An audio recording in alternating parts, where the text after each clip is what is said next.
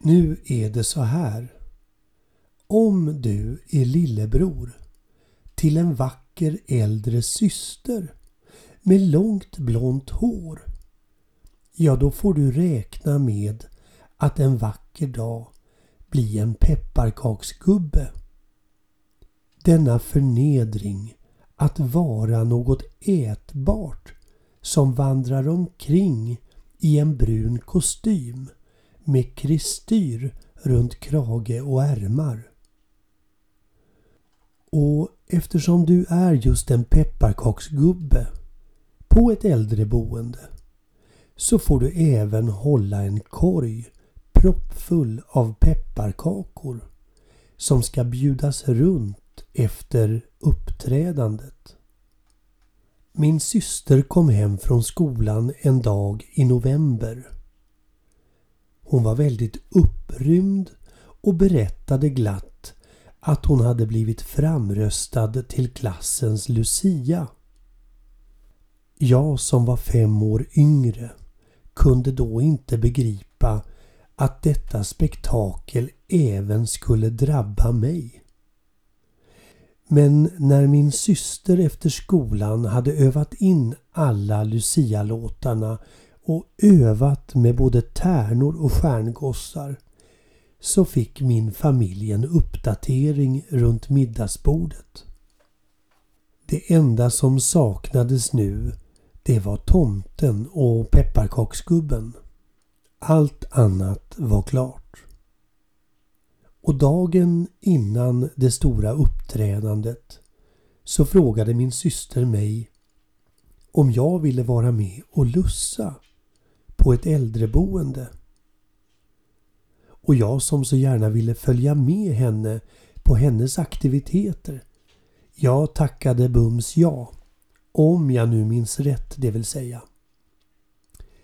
Mamma och pappa lät mig i alla fall följa med till Solberga ålderdomshem nästa kväll. Och där fick jag nästa chock. En tomtedräkt och en annan dräkt för en pepparkaksgubbe låg där på ett bord och väntade i den sal där vi alla skulle göra oss i ordning och klä om. Tomtedräkten fick en annan pojke som var något äldre än vad jag var och sedan krängdes pepparkakskostymen på mig med våld. Jag var nu officiellt att betrakta som Solbergas egen pepparkaksgubbe. Lägre ner i näringskedjan kan man nog inte komma. Men det är klart att någonstans ska man ju börja i ett Lucia-tåg. Och om jag hade tur så skulle jag nästa år kunna få vara tomtenisse. Uppträdandet började och som vanligt så skulle vi vänta på att det blev tyst där ute i publiken och att lamporna ute i matsalen skulle släckas ner. Sedan skulle precis som alla Lucia-tåg Lucian gå först och sedan tärnorna och efter dem ett gäng killar med vita särkar och obehagligt långa strutar på huvudet. Och som om det inte räckte med det, en guldstjärna på en löjlig pinne. Och efter dessa kom tomtenissen och sist gick jag.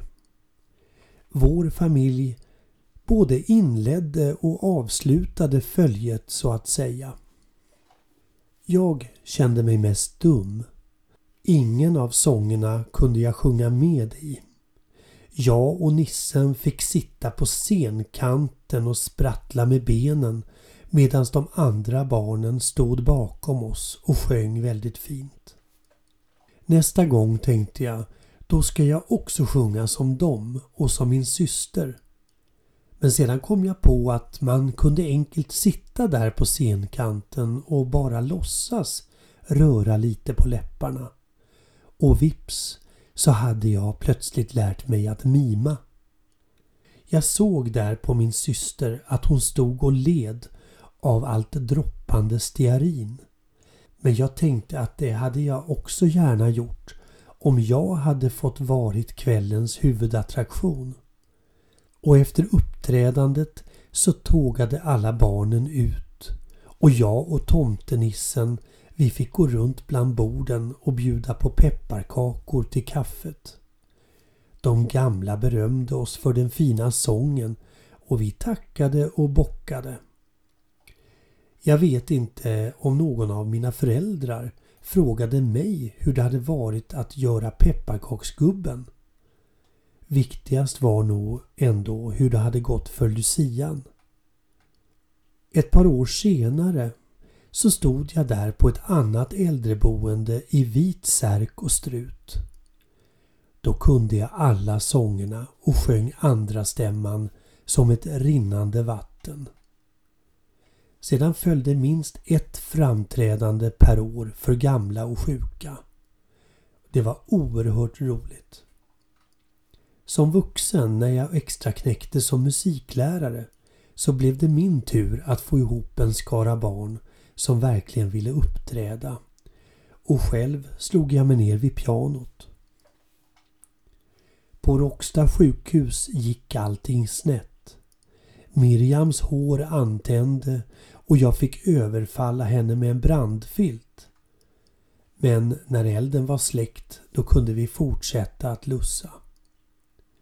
En sjuksköterska kom fram till mig och undrade om vi även kunde gå upp på avdelningarna där de svårast sjuka låg. Och det är klart att vi kunde det.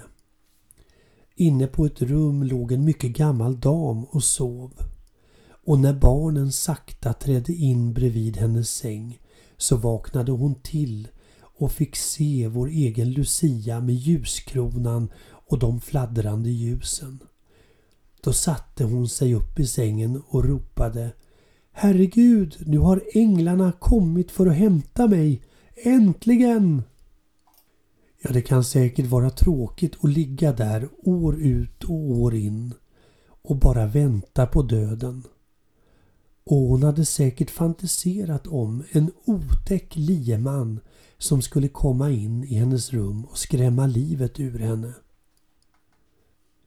Men ja, jag tror att döden kommer till oss en dag.